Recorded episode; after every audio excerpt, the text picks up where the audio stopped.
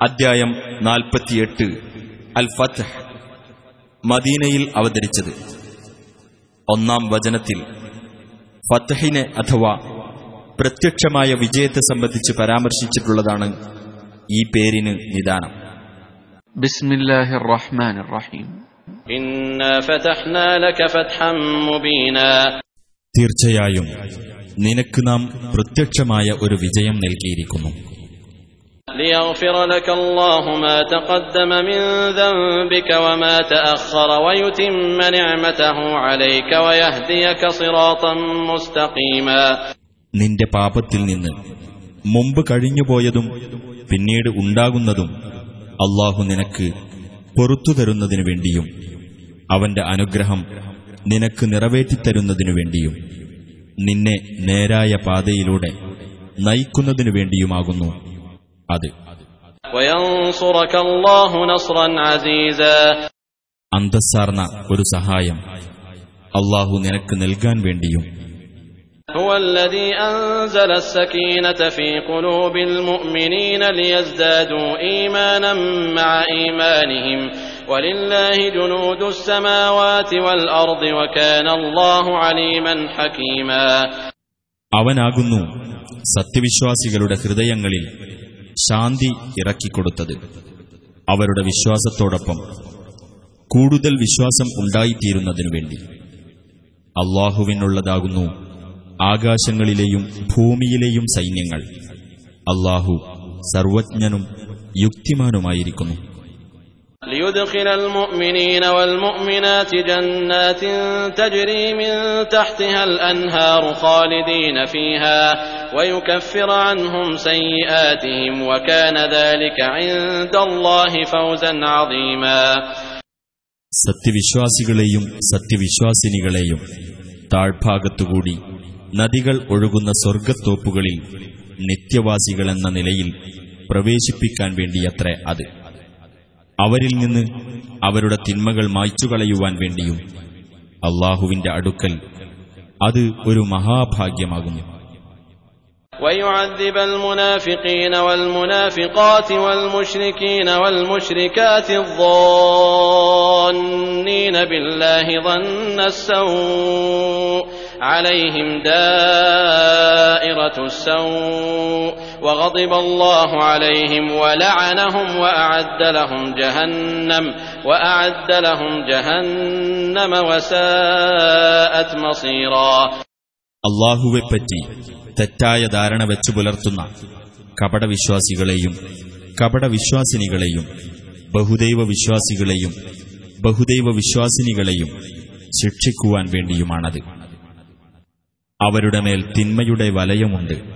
അള്ളാഹു അവരുടെ നേരെ കോപിക്കുകയും അവരെ ശപിക്കുകയും അവർക്കുവേണ്ടി നരകം ഒരുക്കിവെക്കുകയും ചെയ്തിരിക്കുന്നു.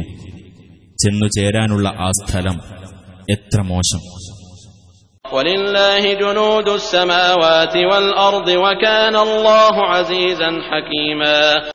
അള്ളാഹുവിനുള്ളതാകുന്നു ആകാശങ്ങളിലെയും ഭൂമിയിലെയും സൈന്യങ്ങൾ അള്ളാഹു പ്രതാപിയും യുക്തിമാനുമായിരിക്കുന്നു إنا أرسلناك شاهدا ومبشرا ونذيرا തീർച്ചയായും നിന്നെ നാം ഒരു സാക്ഷിയായും സന്തോഷവാർത്ത നൽകുന്നവനായും താക്കീതുകാരനായും അയച്ചിരിക്കുന്നു لتؤمنوا بالله ورسوله وتعزروه وتوقروه وتسبحوه بكرة وأصيلا അള്ളാഹുവിലും അവന്റെ റസൂലിലും നിങ്ങൾ വിശ്വസിക്കുവാനും അവനെ സഹായിക്കുവാനും ആദരിക്കുവാനും രാവിലെയും വൈകുന്നേരവും നിങ്ങൾ അവന്റെ മഹത്വം പ്രകീർത്തിക്കുവാനും വേണ്ടി إن الذين يبايعونك إنما يبايعون الله يد الله فوق أيديهم فمن نكث فإنما ينكث على نفسه ومن أوفى بما عاهد عليه الله ومن أوفى بما عاهد عليه الله فسيؤتيه أجرا عظيما തീർച്ചയായും നിന്നോട് പ്രതിജ്ഞ ചെയ്യുന്നവർ അള്ളാഹുവോട് തന്നെയാണ് പ്രതിജ്ഞ ചെയ്യുന്നത് അള്ളാഹുവിന്റെ കൈ അവരുടെ കൈകൾക്കുമീതെയുണ്ട് അതിനാൽ ആരെങ്കിലും അത് ലംഘിക്കുന്ന പക്ഷം ലംഘിക്കുന്നതിന്റെ ദോഷഫലം അവന് തന്നെയാകുന്നു താൻ അള്ളാഹുവുമായി ഉടമ്പടിയിൽ ഏർപ്പെട്ട കാര്യം വല്ലവനും നിറവേറ്റിയാൽ അവന് മഹത്തായ പ്രതിഫലം നൽകുന്നതാണ് سيقول لك المخلفون من الأعراب شغلتنا أموالنا وأهلنا فاستغفر لنا يقولون بألسنتهم ما ليس في قلوبهم قل فمن يملك لكم من الله شيئا إن أراد بكم ضرا أو أراد بكم نفعا بل كان الله بما تعملون خبيرا ഗ്രാമീണ അറബികളിൽ നിന്ന് പിന്നോക്കം മാറി നിന്നവർ നിന്നോട് പറഞ്ഞേക്കും ഞങ്ങളുടെ സ്വത്തുക്കളുടെയും കുടുംബങ്ങളുടെയും കാര്യം ഞങ്ങളെ നിങ്ങളോടൊപ്പം വരാൻ പറ്റാത്ത വിധം വ്യാപൃതരാക്കി കളഞ്ഞു. അതുകൊണ്ട് താങ്കൾ ഞങ്ങൾക്ക് പാപമോചനത്തിനായി പ്രാർത്ഥിക്കണം. അവരുടെ നാവുകൾ കൊണ്ട് അവർ പറയുന്നത് അവരുടെ ഹൃദയങ്ങളിലുള്ളതല്ലാത്ത കാര്യമാണ്. നീ പറയുക അപ്പോൾ അള്ളാഹു നിങ്ങൾക്ക് വല്ല ഉപദ്രവവും ചെയ്യാൻ ഉദ്ദേശിച്ചാൽ അല്ലെങ്കിൽ അവൻ നിങ്ങൾക്ക് വല്ല ഉപകാരവും ചെയ്യാൻ ഉദ്ദേശിച്ചാൽ അവന്റെ പക്കൽ നിന്ന് നിങ്ങൾക്ക് വല്ലതും അധീനപ്പെടുത്തിത്തരാൻ ആരുണ്ട് അല്ല നിങ്ങൾ പ്രവർത്തിക്കുന്നതിനെപ്പറ്റി അള്ളാഹു സൂക്ഷ്മമായി അറിയുന്നവനാകുന്നു بل ظننتم أن لن ينقلب الرسول والمؤمنون إلى أهليهم أبدا وزين ذلك في قلوبكم وظننتم ظن السوء وكنتم قوما بورا അല്ല റസൂലും സത്യവിശ്വാസികളും ഒരിക്കലും അവരുടെ കുടുംബങ്ങളിലേക്ക് തിരിച്ചെത്തുകയേ ഇല്ല എന്ന് നിങ്ങൾ വിചാരിച്ചു നിങ്ങളുടെ ഹൃദയങ്ങളിൽ അത് അലംകൃതമായി തോന്നുകയും ചെയ്തു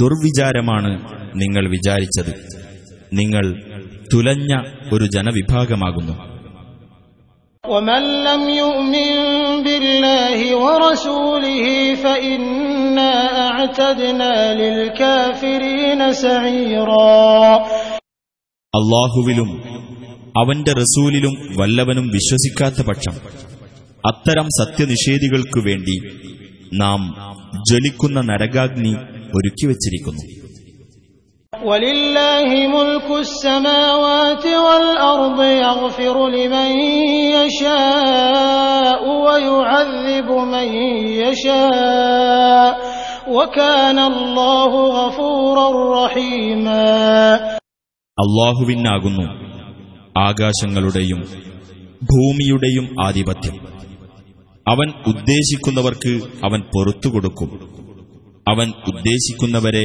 അവൻ ശിക്ഷിക്കുകയും ചെയ്യും അള്ളാഹു ഏറെ പൊറുക്കുന്നവനും കരുണാനിധിയുമാകുന്നു سيقول المخلفون إذا انطلقتم إلى مغانم لتأخذوها ذرونا نتبعكم يريدون أن يبدلوا كلام الله قل لن تتبعونا كذلكم قال الله من قبل فسيقولون بل تحسدوننا بل كانوا لا يفقهون إلا قليلا സ്വത്തുക്കൾ കൈവശപ്പെടുത്താൻ ഉള്ളയിടത്തേക്ക് നിങ്ങൾ യുദ്ധത്തിന് പോകുകയാണെങ്കിൽ ആ പിന്നോക്കം മാറി നിന്നവർ പറയും ഞങ്ങളെ നിങ്ങൾ തടയാതെ വിട്ടേക്കണം ഞങ്ങളും നിങ്ങളെ അനുഗമിക്കാം.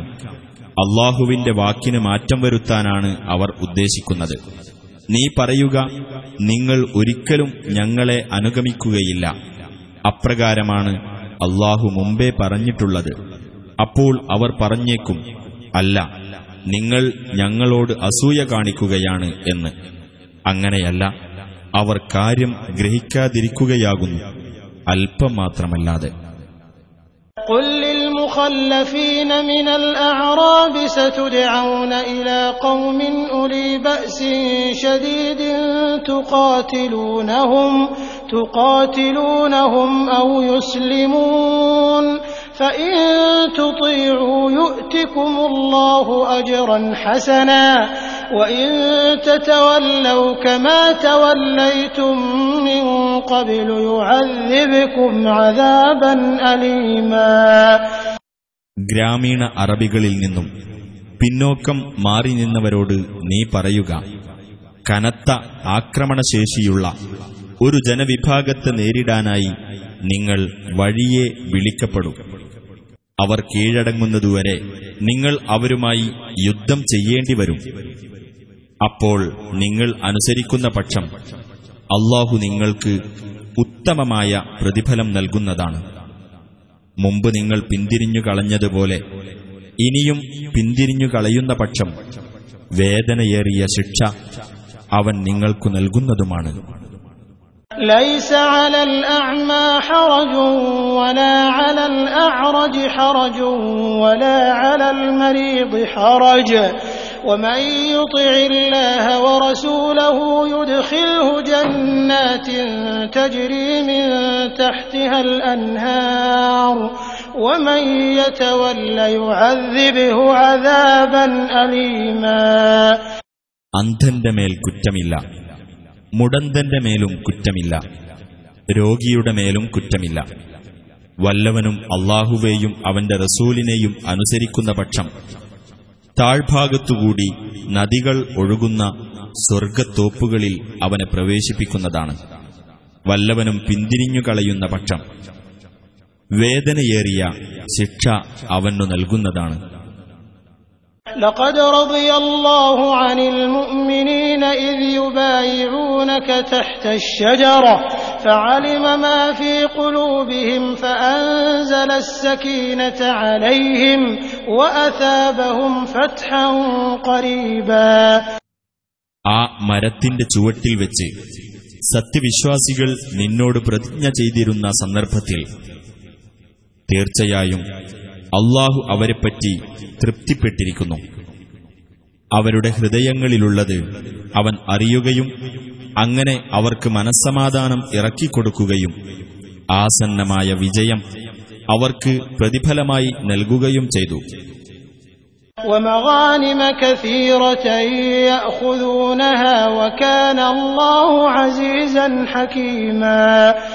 അവർക്ക് പിടിച്ചെടുക്കുവാൻ ധാരാളം സമരാർജിത സ്വത്തുകളും അവൻ നൽകി അള്ളാഹു പ്രതാപിയും യുക്തിമാനുമാകുന്നു وعدكم الله مغانم كثيرة تأخذونها فعجل لكم هذه وكف أيدي الناس عنكم ولتكون آية للمؤمنين ويهديكم صراطا مستقيما നിങ്ങൾക്കു പിടിച്ചെടുക്കാവുന്ന ധാരാളം സമരാർജിത സ്വത്തുകൾ അള്ളാഹു നിങ്ങൾക്ക് വാഗ്ദാനം നൽകിയിരിക്കുന്നു.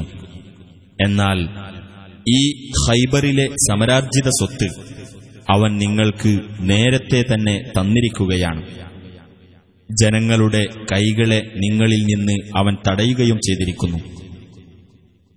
സത്യവിശ്വാസികൾക്ക് അതൊരു ദൃഷ്ടാന്തമായിരിക്കുവാനും നേരായ പാതയിലേക്ക് നിങ്ങളെ അവൻ നയിക്കുവാനും വേണ്ടി وأخرى لم تقدروا عليها قد أحاط الله بها وكان الله على كل شيء قديرا നിങ്ങൾക്ക് നേടിയെടുക്കാൻ കഴിഞ്ഞിട്ടില്ലാത്ത മറ്റു നേട്ടങ്ങളും അവൻ വാഗ്ദാനം ചെയ്തിരിക്കുന്നു അള്ളാഹു അവയെ വലയം ചെയ്തിരിക്കുകയാണ് അള്ളാഹു ഏത് കാര്യത്തിനും കഴിവുള്ളവനാകുന്നു ولو قاتلكم الذين كفروا لولوا الأدبار ثم لا يجدون وليا ولا نصيرا ആ സത്യനിഷേധികൾ നിങ്ങളോട് യുദ്ധത്തിൽ ഏർപ്പെട്ടിരുന്നെങ്കിൽ തന്നെ അവർ പിന്തിരിഞ്ഞ് ഓടുമായിരുന്നു പിന്നീട് ഒരു സംരക്ഷകനെയോ സഹായിയെയോ അവർ കണ്ടെത്തുകയുമില്ല سنة الله التي قد خلت من قبل ولن تجد لسنة الله تبديلا മുമ്പു മുതലേ കഴിഞ്ഞുപോന്നിട്ടുള്ള അള്ളാഹുവിന്റെ നടപടിക്രമമാകുന്നു അത് അള്ളാഹുവിന്റെ നടപടിക്രമത്തിന് യാതൊരു ഭേദഗതിയും നീ കണ്ടെത്തുകയില്ല وهو الذي كف أيديهم عنكم وأيديكم عنهم ببطن مكة ببطن مكة من بعد أن أظفركم عليهم وكان الله بما تعملون بصيرا ശത്രുക്കൾക്കെതിരിൽ നിങ്ങൾക്ക് വിജയം നൽകിയതിനു ശേഷം അവനാകുന്നു മക്കയുടെ ഉള്ളിൽ വെച്ച് അവരുടെ കൈകൾ നിങ്ങളിൽ നിന്നും നിങ്ങളുടെ കൈകൾ അവരിൽ നിന്നും തടഞ്ഞു നിർത്തിയത് അള്ളാഹു നിങ്ങൾ പ്രവർത്തിക്കുന്നതിനെപ്പറ്റി കണ്ടറിയുന്നവനാകുന്നു هم الذين كفروا وصدوكم عن المسجد الحرام والهدي معكوفا أن يبلغ محله ولولا رجال مؤمنون ونساء مؤمنات لم تعلموهم أن تطؤوهم لم تعلموهم أن تطؤوهم فتصيبكم منهم معرة بغير علم ليدخل الله في رحمته من يشاء. لو تزيلوا لعذبنا الذين كفروا منهم عذابا أليما. സത്യത്തെ നിഷേധിക്കുകയും പവിത്രമായ ദേവാലയത്തിൽ നിന്ന് നിങ്ങളെ തടയുകയും ബലിമൃഗങ്ങളെ അവയുടെ നിശ്ചിത സ്ഥാനത്തെത്താൻ അനുവദിക്കാത്ത നിലയിൽ തടഞ്ഞു നിർത്തുകയും ചെയ്തവരാകുന്നു അവർ. നിങ്ങൾക്ക് അറിഞ്ഞുകൂടാത്ത സത്യവിശ്വാസികളായ ചില പുരുഷന്മാരെയും സത്യവിശ്വാസിനികളായ ചില സ്ത്രീകളെയും നിങ്ങൾ ചവിട്ടിത്തേക്കുകയും എന്നിട്ട് നിങ്ങൾ അറിയാതെ തന്നെ അവർ നിമിത്തം നിങ്ങൾക്ക് പാപം വന്നു പവിക്കാൻ ഇടയാവുകയും ചെയ്യില്ലായിരുന്നുവെങ്കിൽ അള്ളാഹു നിങ്ങളെ ഇരുവിഭാഗത്തെയും യുദ്ധത്തിൽ നിന്ന് തടയുമായിരുന്നില്ല. അള്ളാഹു തന്റെ കാരുണ്യത്തിൽ താൻ ഉദ്ദേശിക്കുന്നവരെ ഉൾപ്പെടുത്തേണ്ടതിനായിട്ടാകുന്നു അത്. അവർ അഥവാ മക്കയിലെ വിശ്വാസികളും സത്യനിഷേധികളും വേറിട്ടായിരുന്നു താമസിച്ചിരുന്നതെങ്കിൽ അവരിലെ സത്യനിഷേധികൾക്ക് വേദനയേറിയ ശിക്ഷ നാം നൽകുക തന്നെ ചെയ്യുമായിരുന്നു إذ جعل الذين كفروا في قلوبهم الحمية حمية الجاهلية فأنزل الله سكينته على رسوله وعلى المؤمنين وألزمهم كلمة التقوى وكانوا أحق بها وأهلها وكان الله بكل شيء عليما സത്യനിഷേധികൾ തങ്ങളുടെ ഹൃദയങ്ങളിൽ ദുരഭിമാനം ആ അജ്ഞാന യുഗത്തിന്റെ ദുരഭിമാനം വെച്ചു പുലർത്തിയ സന്ദർഭം അപ്പോൾ അള്ളാഹു അവന്റെ റസൂലിന്റെ മേലും സത്യവിശ്വാസികളുടെ മേലും അവന്റെ പക്കൽ നിന്നുള്ള മനസ്സമാധാനം ഇറക്കിക്കൊടുത്തു. സൂക്ഷ്മത പാലിക്കാനുള്ള കൽപ്പന സ്വീകരിക്കാൻ അവരെ നിർബന്ധിക്കുകയും ചെയ്തു. അത് സ്വീകരിക്കാൻ കൂടുതൽ അർഹതയുള്ളവരും അതിന് അവകാശപ്പെട്ടവരുമായിരുന്നു അവർ. അള്ളാഹു ഏതു കാര്യത്തെപ്പറ്റിയും അറിവുള്ളവനായിരിക്കുന്നു. لقد صدق الله رسوله الرؤيا بالحق. لتدخلن المسجد الحرام إن شاء الله آمنين محلقين رؤوسكم محلقين رؤوسكم ومقصرين لا تخافون. فعلم ما لم تعلموا فجعل من دون ذلك فتحا قريبا അള്ളാഹു അവന്റെ ദൂതന് സ്വപ്നം സത്യപ്രകാരം സാക്ഷാത്കരിച്ചിരിക്കുന്നു അതായത് അള്ളാഹു ഉദ്ദേശിക്കുന്ന പക്ഷം സമാധാനചിത്തരായിക്കൊണ്ട് തലമുണ്ഠനം ചെയ്തവരും മുടിവെട്ടിയവരും ആയിക്കൊണ്ട് നിങ്ങൾ ഒന്നും ഭയപ്പെടാതെ പവിത്രമായ ദേവാലയത്തിൽ പ്രവേശിക്കുക തന്നെ ചെയ്യുന്നതാണ് എന്ന സ്വപ്നം എന്നാൽ നിങ്ങളറിയാത്തത് അവൻ അറിഞ്ഞിട്ടുണ്ട് അതിനാൽ അതിനു പുറമെ സമീപസ്ഥമായ ഒരു വിജയം അവൻ ഉണ്ടാക്കിത്തന്നു هو الذي أرسل رسوله بالهدى ودين الحق ليظهره على الدين كله وكفى بالله شهيدا സന്മാർഗവും സത്യമതവുമായി തന്റെ റസൂലിനെ നിയോഗിച്ചത് അവനാകുന്നു അതിനെ എല്ലാ മതത്തിനും മീതെ തെളിയിച്ചു കാണിക്കാൻ വേണ്ടി സാക്ഷിയായിട്ട് അള്ളാഹു തന്നെ മതി محمد رسول الله والذين معه أشداء على الكفار رحماء بينهم تراهم ركعا سجدا يبتغون فضلا من الله ورضوانا سيماهم في وجوههم من أثر السجود. ذلك مثلهم في التوراة ومثلهم في الإنجيل كزرع أخرج شطأه فآزره فاستغلظ فاستوى. فاستوى على سوقه يعجب الزراع ليغيظ بهم الكفار وعد الله الذين آمنوا وعملوا الصالحات منهم مغفرة وأجرا عظيما മുഹമ്മദ് അള്ളാഹുവിന്റെ റസൂലാകുന്നു അദ്ദേഹത്തോടൊപ്പമുള്ളവർ സത്യനിഷേധികളുടെ നേരെ കർക്കശമായി വർത്തിക്കുന്നവരാകുന്നു. അവർ അന്യോന്യം ദയാലുക്കളുമാകുന്നു. അള്ളാഹുവിങ്കിൽ നിന്നുള്ള അനുഗ്രഹവും പ്രീതിയും തേടിക്കൊണ്ട് അവർ കുമ്പിട്ടും സാഷ്ടാംഗം ചെയ്തുകൊണ്ടും നമസ്കരിക്കുന്നതായി നിനക്കു കാണാം. സുജൂതിന്റെ ഫലമായി അവരുടെ അടയാളം അവരുടെ മുഖങ്ങളിലുണ്ട്.